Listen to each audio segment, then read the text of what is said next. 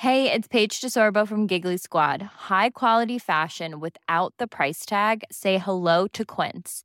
I'm snagging high-end essentials like cozy cashmere sweaters, sleek leather jackets, fine jewelry, and so much more. With Quince being 50 to 80% less than similar brands. And they partner with factories that prioritize safe, ethical, and responsible manufacturing. I love that. Luxury quality within reach. Go to quince.com slash style to get free shipping and 365 day returns on your next order. Quince.com slash style. Here's a cool fact a crocodile can't stick out its tongue. Another cool fact you can get short term health insurance for a month or just under a year in some states. United Healthcare short term insurance plans are designed for people who are between jobs, coming off their parents' plan, or turning a side hustle into a full time gig. Underwritten by Golden Rule Insurance Company, they offer flexible, budget friendly coverage with access to a nationwide network of doctors and hospitals. Get more cool facts about United Healthcare short term plans at uh1.com. Hi, I'm Daniel, founder of Pretty Litter. Cats and cat owners deserve better than any old fashioned litter. That's why I teamed up with scientists and veterinarians to create Pretty Litter. Its innovative crystal formula has superior odor control and weighs up to 80% less than clay litter.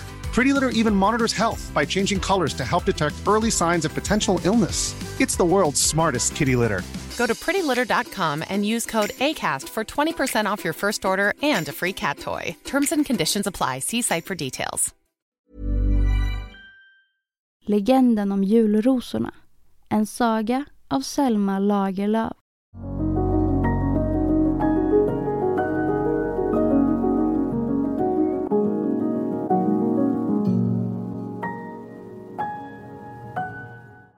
Hej! Innan sagan börjar vill vi bara säga att vi finns på Patreon. Ni får jättegärna gå in där och stödja oss. Nu börjar sagan. Rövarmor, som bodde i Rövarhålan uppe i Göninge skog, hade en dag givit sig av på tiggartåg neråt slätbygden. Rövarfar själv var en fredlös man och vågade inte lämna skogen utan nöjde sig med att ligga på lur efter det vägfarande som vågade sig innanför skogsbältet. Men på den tiden var det inte särdeles gott om resande i norra Skåne. Om det alltså hände att mannen hade otur med sin jakt i några veckor begav sig hustrun ut på vandring. Hon hade med sig fem ungar och varje unge hade trasiga skinnkläder och näverskor och bar på ryggen en säck som var lika lång som han själv. När hon trädde igenom en stugdörr vågade ingen neka att ge henne vad hon begärde. För hon föll sig inte för god att vända tillbaka nästa natt och sätta eld på huset ifall hon inte hade blivit väl mottagen. Rövarmor och hennes ungar var värre än en vargpakt och många hade haft lust att sätta spjut genom dem men detta blev aldrig gjort därför att man visste att karn låg kvar där uppe i skogen och han skulle nog ha velat ta hämnd om det hade hänt barnen eller kärringen något. När nu rövarmor gick från gård till gård och tiggde kom hon en vacker dag till Öved som på den tiden var ett kloster. Hon ringde på vid klosterporten och begärde mat och portvakten fällde ner en liten lucka i porten och räckte henne sex runda bröd. Ett för henne och ett för vart av ett av barnen. Under tiden modern stod stilla vid porten sprang ungarna omkring och nu kom en av dem och ryckte henne i skjortan till ett tecken att han hade funnit något som hon borde komma och se. Och rövarmor följde genast med honom. Hela klostret var omgiven av en hög och stark mur men ungen hade varit i stånd att finna reda på en liten bakport som stod på glänt. När rövarmor kom dit sköt hon genast upp porten och steg på utan att fråga om lov. Övedskloster styrdes på den tiden av abbot Hans som var en örtkunnig man. Han hade innanför klostermuren anlagt en liten örtagård och i denna var det som rövarmor trängde sig in. Vid första ögonkastet blev rövarmor så häpen att hon stannade vid ingången. Det var högsommartid och abbot Hans örtagård stod så full av blomster att det blänkte för ögonen av blått och rött och gult när man såg in i den. Men snart spred sig ett förnöjt leende över hennes ansikte och hon började gå framåt en smal gång som löpte fram mellan många små blomsterbäddar. I trädgården gick en lekbroder omkring och rensade bort ogräs. Det var han som hade lämnat dörren i muren halvöppet för att kunna kasta ut mola och kvickrot på avskrädelsehögen utanför. När han såg rövarmor komma in i örtagården med alla fem ungar efter sig sprang han genast emot dem och befall dem att gå sin väg. Men tiggarkärringen gick framåt som förut. Hon kastade blicken åt alla håll. Såg en på de styva vita liljorna som bredde ut sig på landet. Och en på murgrönan som klättrade högt uppåt klosterväggen och låtsades inte det minsta om lekbrodern. Lekbrodern tänkte att hon inte hade förstått honom. Han ville ta henne i armen för att vända henne mot utgången. Men när rövarmor märkte hans avsikt gav hon honom en sådan blick att han for baklänges. Hon hade gått med ryggen böjd under tiggarpåsen men nu rätade hon upp sig till hela sin höjd. Jag är rövarmor från Göinge skog, sade hon. Rör mig nu om du törs. Och det var tydligt att när hon hade sagt detta var hon lika säker på att få gå i fred som hon hade berättat att hon var drottningen av Danmark. Men lekbrodern vågade ändå störa henne fastän han nu, när han visste vem hon var, talade fogligt med henne. Du ska veta rövarmor, sade han, att detta är ett munkkloster och att ingen kvinna i landet har tillåtelse att komma innanför dessa murar. Om du nu inte går din väg blir munkarna vreda på mig därför att jag glömt att stänga porten och det driver törhända bort mig från båda kloster och örtagården. Men sådana böner var förspillande på rövarmor. Hon gick vidare uppåt i lilla roskvarteret och tittade på Isop som blommade och på kaprifolium som stod full av gulröda blomklasar. Då visste sig lekbrodern ingen annan råd än att springa inåt klostret och kalla på hjälp. Han kom tillbaka med två handfasta munkar och rövarmor såg genast att nu gällde det allvar. Hon ställde sig bredbent på gången och började att med gäll röst skrika ut alla det förfärliga hämnd som hon skulle ta på klostret om hon inte fick stanna i örtagården så länge som hon önskade. Men munkarna ansåg sig inte behöva frukta henne och tänkte bara på att driva ut henne. Då upphörde rövarmors gälla skrik, kastade sig över dem och klöste och bet och likaså gjorde alla ungarna. De tre kararna märkte snart att hon var dem övermäktig. De hade ingenting annat att göra än att gå inåt klostret och hämta förstärkning. När de sprang genom gången som ledde in till klostret mötte de abbot Hans som skyndade till att få veta vad det var för larm som hördes från örtagården. De måste då bekänna att rövarmor från Göninge skog hade kommit in i klostret och att de inte hade varit i stånd att driva ut henne utan måste skaffa sig undsättning. Men abbot Hans förebrådde dem att de hade brukat våld och förbjudit dem att kalla på hjälp. Han sände de båda munkarna tillbaka till deras arbete och även fast han var en gammal bräcklig man tog han algenast lekbrodern med sig ut i örtagården. När abbot Hans kom dit gick rövarmor som förut omkring bland blombäddarna och han kunde inte nog förundra sig över henne. Han var övertygad om att hon aldrig förr i hela sitt liv hade sett en örtagård. Men i alla fall gick hon fram mellan alla de små landen som var besådda med var sin art av främmande och sällsynta blommor och besåg dem som om de vore gamla bekanta. Det föreföll som om hon kände till båda vintergröna och salvia och rosmarin. Åt somliga smålog hon och åt andra skakade hon på huvudet. Abbot Hans älskade sin örtagård så mycket som det var honom möjligt att älska något som var jordiskt och förgängligt. Så vild och förfärlig den främmande kvinnan än såg ut så kunde han inte låta bli att tycka om att hon hade kämpat med tre munkar för att få betrakta lustgården i ro. Han gick fram till henne och frågade saktmodigt om örtagården behagade henne. Rövarmor vände sig häftigt mot abbot Hans, för hon väntade endast bakhåll och överfall.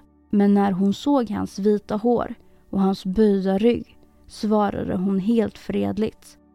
Först när jag såg den tyckte jag att jag aldrig hade sett något vackrare. Men nu märker jag att den inte går upp mot en annan som jag känner till. Abbot Hans hade säkerligen väntat ett annat svar när han hörde att rövarmor hade sett en lustgård som var skönare än hans spred sig en svag rodnad över hans skrumpna kinder. Lekbrodern som stod bredvid började också genast tillrättavisa rövarmor. Detta är abbot Hans, sade han, som själv med stor flit och möda har samlat blomstren till sin örtagård från båda fjärran och nära.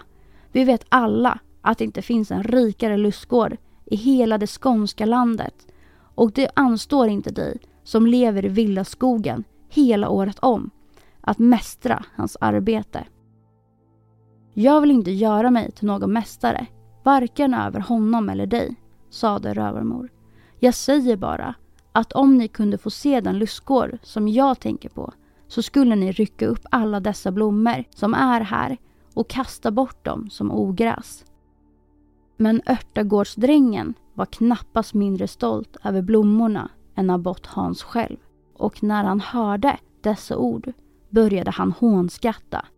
Jag kan förstå att du bara pratar så här för att retas med oss, sade han. Det måtte just vara en vacker lustgård som du har inträffat dig bland tallar och enar på Göninge skog. Jag skulle våga svära bort min själ på att du aldrig förr har varit inom en örtagårdsmur. Rövarmor blev röd av förargelse över att bli så misstrodd. Hon utropade. Det kan väl vara att jag inte förrän idag har varit innanför en örtagårdsmur. Men ni munkar som är heliga män borde väl veta att den stora Göningeskogen var julnatt förvandlar sig till en lustgård för att fira vår Herres födelsetimme. Vi som lever i skogen har sett den ske alla år och i den lustgården har jag skådat så härliga blomster att jag inte vågat lyfta min hand för att bryta dem. Lekbrodern ville fortsätta att svara henne men abbot Hans gav honom ett tecken att tiga stilla. För abbot Hans hade allt ifrån sin barnaår hört talas om att skogen klär sig i högtidsskrud på julnatten.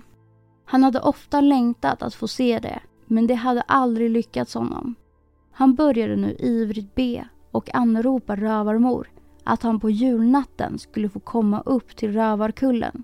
Om hon bara ville sända ett av sina barn för att visa honom vägen skulle han rida dit upp ensam. Och han skulle aldrig förråda dem utan istället belöna dem så väl som det stod i hans makt. Rövarmor nekade i förstånd, för hon tänkte på rövarfar och den våda han kunde löpa genom att hon lät abbot Hans resa upp till deras kulle. Men så blev ändå begäret att visa munken att den lustgården som hon kände till var skönare än hans. Med mer än en följeslagare får du inte ta med dig, sade hon. Och något försått eller bakhåll må du inte sätta för oss, så vis som du är en helig man. Detta lovade abbot Hans och därmed gick rövarmor. Men abbot Hans befallde lekbrodern att han inte för någon skulle förråda det som hade blivit överenskommet. Han fruktade att hans munkar inte skulle tillåta en sån gammal man som han var att dra upp till rövarkullen om du fick reda på hans förehavande. Själv ämnade han inte heller förråda planen för någon människa. Men så hände det att ärkebiskopen Absalon från Lund kom resande till Öved och låg där en natt. När abbot Hans visade honom sin örtagård kom han att tänka på rövarmors besök. Och lekbroden som gick där och arbetade hörde att abboten berättade till biskopen om rövarfar som i många år hade bott fredlös i skogen och bad om fridlysningsbrev för honom så att han åter skulle kunna föra ett hederligt liv bland andra människor. Så som det är nu ställt, sade abbot Hans, växer hans ungar upp till värre illgärningsman än han själv och ni får snart ett helt rövarfölje att handskas med där uppe i skogen. Men när ärkebiskopen Absalon svarade att den onda rövaren vill han inte släppa ner bland det ärliga folket på slätten. Det var bäst för alla att han blev kvar uppe i sin skog. Abbot Hans blev då ivrig och tog sig till att berätta till biskopen om Görningeskogen som varje år klädde sig i julskrud. Om dessa rövare inte är sämre än att Guds härligheter visar sig för dem, sade han, kan de väl inte vara för onda för att få erfara människors nåd. Men ärkebiskopen visste väl och svarade abbot Hans. Så mycket vill jag lova dig abbot Hans, sade han och smålog. Att var dag som du sänder mig ett blomster från julträdgården i Göninge skog ska jag ge dig fridlysningsbrev för alla de fågelfria som du vill be för. Lekbrodern förstod att biskopen Absalon lika lite som han själv trodde på rövarmors berättelse. Men abbot Hans märkte inte ett sådant utan han tackade Absalon för hans goda löfte och sa att den blomman skulle han visst skicka honom. Abbot Hans fick sin vilja fram. Och nästa julafton satte han inte hemma vid Öved utan han var stad på väg till Göninge skog. En av rövarmors vilda ungar sprang framför honom och till följeslagare hade han lekbrodern som hade talat med rövarmor i örtagården. Abbot Hans hade storligen längtat att få göra denna resa och var nu mycket glad att den hade kommit till stånd. Men en helt annan sak var det med lekbrodern som följde med honom. Han höll abbot Hans mycket kär och han skulle inte gärna ha lämnat åt en annan att ledsaga honom och vaka över honom. Men han trodde ingalunda att de skulle få se någon julnattsträdgård. Han tänkte att allsammans var en snara som rövarmor med stor slughet hade lagt ut för abbot Hans skulle falla i hennes mans våld. Medan abbot Hans red norrut mot skogstrakten såg han att det överallt gjordes förberedelser till julfirande. I varje bondeby tändes det upp eld i badstugan för att den skulle bli varm till badning på eftermiddagen. Från visthusen bars massor av kött och bröd in i stugorna och från loggarna kom kararna med stora halmkärvar som skulle strös ut över golven. När han red förbi de små landskyrkorna såg han att prästen och hans klockare var i färd med att klä dem med den bästa bonad som de hade kunnat komma över. Och när han kom till Avväga, som förde till Bosjökloster kom klostrets fattiga vandrare med bördor av stora bröd och långa ljus som de hade erhållits vid klosterporten. När abbot Hans såg alla dessa jultillrustningar ökade hans brådska. Han tänkte på att en större högtid väntade honom än den som någon av de andra skulle få fira. Men lekbrodern jämrade sig och klagade när han såg hur det beredde sig att fira jul i varje den minsta gård. Han blev allt mer ängslig och bad och besvor abbot Hans att vända om och inte frivilligt kasta sig i rövarhänder. Abbot Hans fortsatte färden utan att bry sig om hans klagande. Han lämnade slätbygden bakom sig och kom upp i ödsliga och vilda skogstrakter. Här blev vägen sämre. Den blev mest lik en stening och barströd stig och varken bro eller spång hjälpte de resande över åar och bäckar. Ju längre de for, desto kallare blev det och om en stund träffade de på snötäckt mark. Det blev en lång och besvärlig resa. Det tog av på branta och hala sidostigar, drog fram över mossa och kär, trängde genom vindfällen och snår. Just som dagljuset började avta förde rövarpojken de över en skogsäng som var omgiven av höga träd, både nakna lövträd och gröna barrträd. Bakom ängen reser sig en bergsvägg och i bergväggen såg de en dörr av tjocka plankor. Nu förstod abbot Hans att det var framkomna och han steg av hästen. Barnet öppnade den tunga dörren för honom och han såg in i en fattig berggrotta med nakna stenväggar. Rövarmor satt vid en stockeld som brann mitt på golvet. Ute med väggarna fanns bäddar av granris och mossa och på en av dessa låg rövarfar och sov. Kom in ni där ute, ropade rövarmor utan att resa sig upp och ta hästarna med in i stugan så att de inte fördärvas av nattkölden. Abbot Hans gick nu dristligen in i hålan och lekbrodern följde honom. Det var armt och fattigt där och ingenting var gjort för att fira jul. Rövarmor hade varken bryggt eller bakat. Hon hade varken fejat eller skurat. Hennes barn låg på golvet kring en kittel och åt. Men det var ingen bättre mat som bestods än tunn vattvälling. Rövarmor talade lika stolt och myndigt som en burgen bondkvinna. Sätt dig nu här vid elden, abbot Hans, och värm dig, sade hon.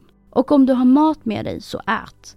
För den maten som vi lagar i skogen tänker jag att du inte vill smaka. Och om du är trött efter resan kan du sedan lägga dig och sova på en av de där bäddarna. Du behöver inte vara rädd för att försova dig. Jag sitter här vid elden och vakar och jag ska väcka dig så att du får se det som du har ridit ut för att se.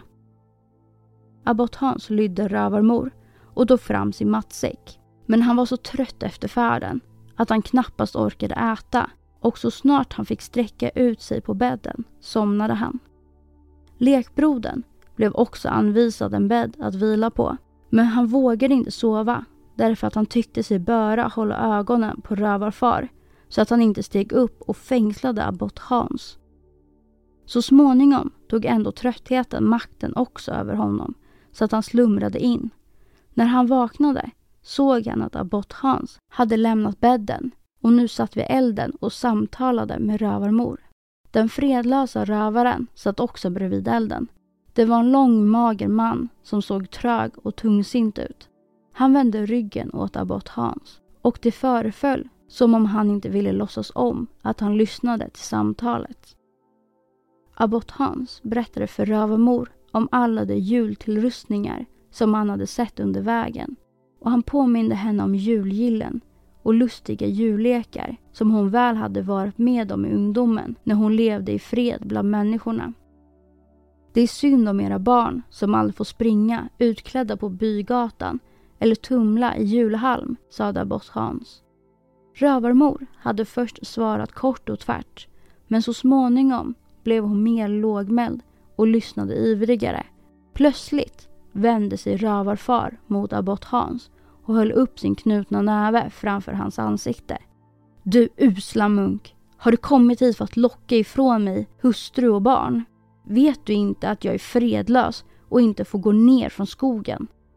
Abbot Hans såg honom oförskräckt rätt in i ögonen. Min mening är att skaffa fridlysningsbrev åt dig från ärkebiskopen, sade han. Knappt hade han sagt detta förrän båda, den fredlösa och hans hustru, började storskratta. De visste väl vilken nåd en skogsrövare hade att vänta av biskopen Absalon. Ja, om jag får fribrev från Absalon, sade rövarfar, då lovar jag dig att jag aldrig mer ska stjäla så mycket som en gås. Lekbrodern blev förtretad över att rövarfolket vågade skratta åt abbot Hans. Men själv tycktes denna vara mycket nöjd.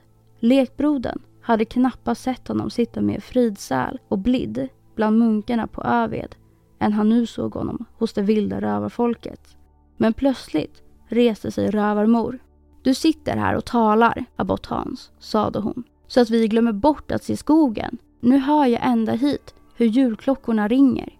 Knappt var detta sagt förrän alla störtade upp och sprang ut. Men i skogen fann det ännu mörk natt och kulen vinter. Det enda som förnäms var en avlägsen klockklang som fördes dit av en svag sunnanvind. Hur ska denna klockklang kunna väcka den döda skogen? tänkte abbot Hans. För nu, då han stod mitt i vinterns mörker, tyckte han att det var långt mer omöjligt att här kunna uppkomma en lustgård än det hade synts honom förut. Men när klockorna hade ringt ett par ögonblick for en plötslig ljusning genom skogen. Strax därpå blev det lika mörkt igen, men så kom ljuset tillbaka. Det kämpade sig fram som en lysande dimma mellan de mörka träden. Och så mycket åstadkom det att mörkret övergick till svag dagbräckning. Då såg abbot Hans att snön försvann från marken som om någon hade dragit bort en matta och att jorden började grönska. Ormbunkerna stack upp sina skott, hoprullade som biskopskräklor. Djungeln som växte på stenbacken och porsen som var rotad i mossen klädde sig hastigt i nytt grönt. Mosstuvorna svällde och höjde sig och vårblommorna sköt upp med svällande knoppar som redan hade ett stänk av färg. Abbot Hans hjärta klappade hårt när han märkte de första tecknen till att skogen började vakna. Ska då jag, gamle man, få se ett sådant under, tänkte han och tårarna ville tränga sig fram i hans ögon. Ibland blev det så skumt att han fruktade att nattmörkret skulle komma till makten på nytt. Men snart kom en ny våg av ljus frambrytande. Den förde med sig sorg av bäckar och brus av lösta forsar. Då sprack bladen ut på lövträden så hastigt som om en mängd gröna fjärilar hade kommit flygande och skockat sig på grenarna.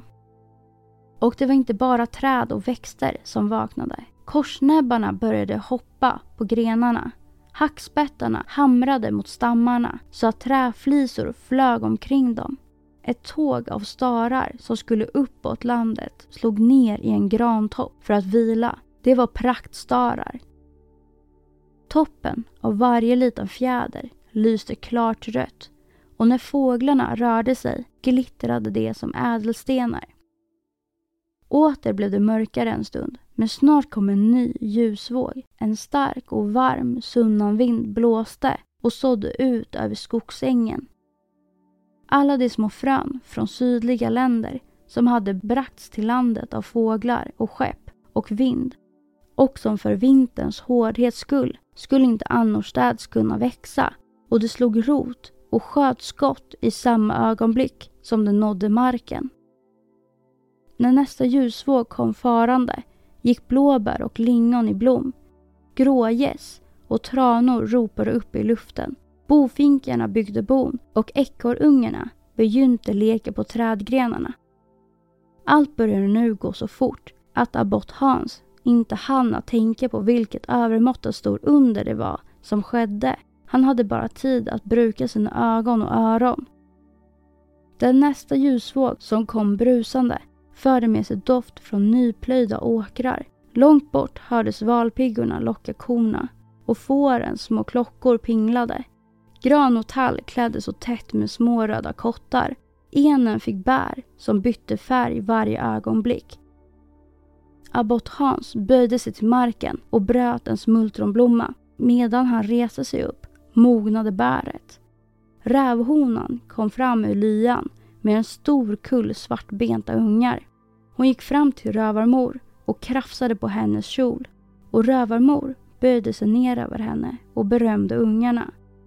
Uven, som nyss hade börjat nattjaga, vände om hem, bortskrämd av ljuset, sökte upp sin klyfta och satte sig för att sova. Gökhanen Gol och gökhonan smög omkring små fågelbon med sitt ägg i munnen. Rövarmors ungar uppgav kvittrande skrik av glädje. De åt sig mätta av skogsbär som hängde på buskarna, stora som tallkottar. En av dem lekte med en flock harungar. En annan sprang i kapp med unga kråkor som hade hoppat ur boet innan vingarna hade blivit färdiga. En tredje tog upp huggormen från marken och lindade den kring hals och arm. Rövarfar stod ute på mossen och åt hjortron. När han såg upp gick ett stort svart djur bredvid honom. Rövarfar bröt en videkvist och slog björnen på nosen. Håll dig på din kant sa han. Då vek björnen undan och luffade av åt ett annat håll. Ständigt kom nya vågor av värme och ljus och nu förde det med sig ansnatter från skogskärnet. Gult frömjöl från rågvält svärmade i luften. Fjärilar kom, så stora att de såg ut som flygande liljor. Biens bo i en ihålig ek var redan så fullt av honung att det dröp neråt stammen. Nu började också de blommorna slå ut som hade vuxit upp ur frön från främmande länder. De skönaste rosor klättrade uppåt bergväggen i kapp med björnbären. Upp ur skogsängen vällde fram blommor så stora som människoansikten. Abbot Hans tänkte på den blomman som han skulle plocka åt biskopen Absalon. Men han dröjde nu ännu att bryta den. Den ena blomman växte upp härligare än den andra och han ville välja honom den allra skönaste. Våg efter våg kom och nu var luften som genomträngande av ljus att den glittrade. All sommarens lust och glans och lycka log omkring abbot Hans. Han tyckte att jorden inte kunde bringa större glädje än den som välde omkring honom. Och han sade till sig själv, nu vet inte jag vad nästa våg som kommer kan medföra av härligheter. Men ljuset fortfor att strömma till och nu syntes det abbot Hans att det förde med sig något från en oändlig fjärra. Han kände att överjordisk luft omgav honom och han började darra förväntansfull att sedan nu jordens glädje hade kommit så var himlens glädje i antågande. Abbot Hans märkte att allt blev stilla. Fåglarna tystnade, rävungarna lekte inte mer och blommorna upphörde att växa. Saligheten som nalkades var sådan att hjärtat ville stanna. Ögat grät utan att han visste det. Själen längtade efter att få flyga bort i det eviga. Långt bortifrån hördes svaka harptoner och överjordisk sång nådde fram som en susande viskning. Abbot Hans knäppte händerna samman och sjönk ner på knä. Hans ansikte sken av salighet. Aldrig hade han väntat sig att det skulle förunnas honom att redan i detta liv få njuta himlens glädje och höra änglar sjunga julsånger. Men bredvid abbot Hans stod lekbrodern som hade ledsagat honom. Det gick mörka tankar in i hans huvud. Det kan inte vara ett rätt under, detta som visar sig för onda illgärningsmän, tänkte han. Detta kan inte vara kommet av Gud, utan det är upprunnet av onda, som hitsänt av djävulens arga list. Det är den lede fiendens makt som förhäxar oss och tvingar oss att se det som inte finns. I fjärran hördes änglaharp och klinga och änglasång tona. Men lekbrodern trodde att det var helvetes andar som nalkades. Det vill locka och förföra oss, suckar han. Aldrig kommer vi helbrägda från detta. Vi blir bedårade och sålda till avgrunden. Nu var änglaskarorna så nära att abbot Hans såg ljusa skepnader skymta mellan skogens stammar. Och lekbrodern såg detsamma som han. Men han tänkte bara på vilken ondska som låg där i. Att djävlarna drev dessa konster under den natten då frälsaren var född. Det var ju bara för att desto säkrare kunna råda de arma människorna. Hela tiden hade fåglar svärmat omkring abbot Hans huvud och han hade fått ta dem mellan sina händer. För lekbrodern däremot hade djuren varit rädda. Ingen fågel hade satt sig på hans skuldra och ingen orm lekte vid hans fötter. Men nu var det en liten skogsduva. När hon märkte att änglarna nalkades tog hon mod till sig, flög ner till lekbroderns skuldra och lade huvudet mot hans kind. Då tycktes det honom att en ledde fiende kom alldeles in på honom för att fresta och förleda honom. Han slog med handen över skogsduvan och han ropade med så hög röst att det dånade genom skogen. Gå du till helvetet, därifrån du är kommen. Just då var änglarna så nära att abbot Hans kände fläktande av deras stora vingar och han bugade sig ända ner mot jorden för att hälsa dem. Men när lekbroderns ord göd avbröts tvärt deras sång och de heliga gästerna vände sig till flykt och likaså flydde ljuset och den milda värmen i outsäglig skräck Natten sjönk ner över jorden som ett täcke. Växterna på marken krympte samman. Djuren ilade bort. Forsarnas brus tystnade. Löven föll från träden, rasslande som regn. Abbot Hans kände hur hans hjärta, som nyss hade svalt av salighet, nu drog sig samman i olidlig smärta. Aldrig, tänkte han, kan jag överleva detta, att himlens änglar var mig så nära och blev bortdrivna att de ville sjunga julsånger för mig och blev jagade på flykt. I samma stund kom han ihåg den blomman som han hade lovat biskopen Absalon. Att han böjde sig till marken och famlade bland mossa och löv för att ändå försöka att plocka den nu i yttersta stunden. Men han kände hur marken frös under hans fingrar och hur den vita snön kom glidande fram över marken. Då gjorde honom hans hjärta en större ve. Han kunde inte resa sig upp utan föll till marken och blev liggande. När rövarfolket och lekbrodern i det djupa mörkret hade trevat sig tillbaka till rövarkullen saknade de abbot Hans. De tog bränder från elden och gick ut för att söka honom och de fann honom liggandes död på ett snötäcke. Och lekbrodern började jämra sig och gråta. Han förstod att det var han som hade dödat abbot Hans. Därmed att han hade ryckt ifrån honom den glädjebägaren som han hade törstat efter att få tömma. Då abbot Hans hade blivit nedförd till Öved såg det som tog vård om de döda att han höll sin högra hand hårt knutet kring något som han måtte ha omfattat i dödsstunden. När de äntligen fick den öppnad fann de att det som han höll fast med sådan styrka var ett par vita rotknölar som han hade ryckt upp ur mossa och löv. Och när lekbrodern, som hade åtföljt abbot Hans, fick se dessa rötter tog han dem och satt dem i jord i abbot Hans örtagård. Han vaktade dem hela året i förväntan att blomman skulle komma upp ur den. Men han väntade förgäves både under våren och sommaren och hösten. När äntligen vintern var inne och alla blad och blommor var döda upphörde han att ge akt på den. Men när julaftonen kom påmindes han så starkt om abbot Hans att han gick ut i örtagården för att tänka på honom. Och se, då han nu gick förbi det ställe där han hade lagt ner de kala rotknölarna såg han att ur dem hade vuxit upp frodiga gröna stänglar som uppbar sköna blommor med silvervita blad.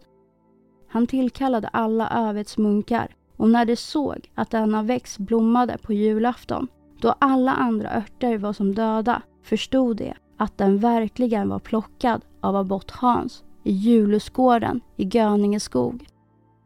Men lekbrodern bad munkarna om lov att få bringa några av blommorna till biskopen Absalon. När lekbrodern trädde inför biskopen Absalon räckte han honom blommorna och sade Detta sänder dig abbot Hans. Det är de blommor som han lovade att plocka åt dig ur Julusgården i Göningeskogen. Då biskop Absalon såg blommorna som var uppkomna ur jorden i mörka vintern och hörde orden blev han rätt så blek, som om han hade mött en död. Han satt tyst en stund och därpå sade han Abbot Hans har hållit sitt ord väl, så ska jag också hålla mitt. Och han lät sätta upp fridlysningsbrev för den vilda rövaren som hade gått fredlös i skogen alltifrån sin ungdom. Han lämnade brevet till lekbrodern och denna drog mot skogen och letade sig fram till rövarkullen. När han steg in där på juldagen kom rövaren emot honom med en lyftad yxa. Jag vill hugga ner er, munkar, så många som ni är, sade han. Säkert är det er skull att inte Göningeskog i natt har klätt sig i julskrud. Det är min skull alena, sade lekbrodern och jag vill gärna därför dö, men först måste jag bringa dig ett bud från abbot Hans. Och han drog fram biskopens brev och talade om för mannen att han var fridlyst. Hädanefter ska du och dina barn leka i julhalm och fira jul bland människorna så som abbot Hans önskade det, sa han. Då blev rövarfar stående blek och stum, men rövarmor sade i hans namn abbot Hans har hållit sitt ord väl, så ska också rövarfar hålla sitt. När rövaren och hans hustru drog bort ur rövarkullen flyttade lekbrodern dit och bodde där ensam i skogen under ständig bön att hans hårda hjärtelag måtte varda honom förlåtet. Men Göninge skog har aldrig mer firat frälsarens födelsetimme och av all dess härligheter lever kvar endast den plantan som abbot Hans plockade. Hon har blivit kallad julros och varje år sänder hon sina vita blommor och gröna stänglar upp ur mullen vid jultiden. Som om hon aldrig kunde förgäta att hon en gång har vuxit i den stora Julusgården.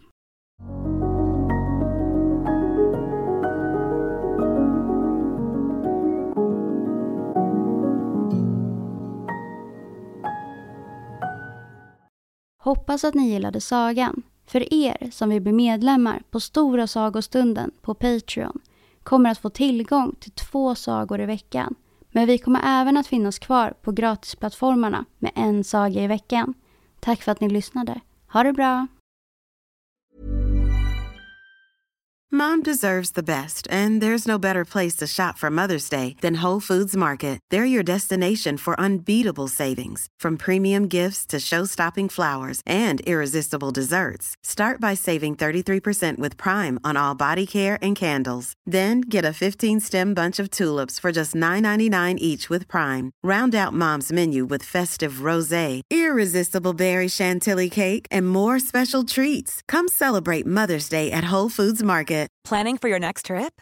Elevate your travel style with Quince. Quince has all the jet setting essentials you'll want for your next getaway, like European linen, premium luggage options, buttery soft Italian leather bags, and so much more. And is all priced at 50 to 80% less than similar brands. Plus, Quince only works with factories that use safe and ethical manufacturing practices. Pack your bags with high-quality essentials you'll be wearing for vacations to come with Quince. Go to quince.com/pack for free shipping and 365-day returns. Hi, I'm Daniel, founder of Pretty Litter. Did you know cats tend to hide symptoms of sickness and pain? I learned this the hard way after losing my cat, Gingy. So I created Pretty Litter, a health monitoring litter that helps detect early signs of illness by changing colors, saving you money and potentially your cat's life. Pretty Litter is veterinarian developed, and it's the easiest way to keep tabs on your fur baby's health right at home. Go to prettylitter.com and use code ACAST for 20% off your first order and a free cat toy. Terms and conditions apply. See site for details.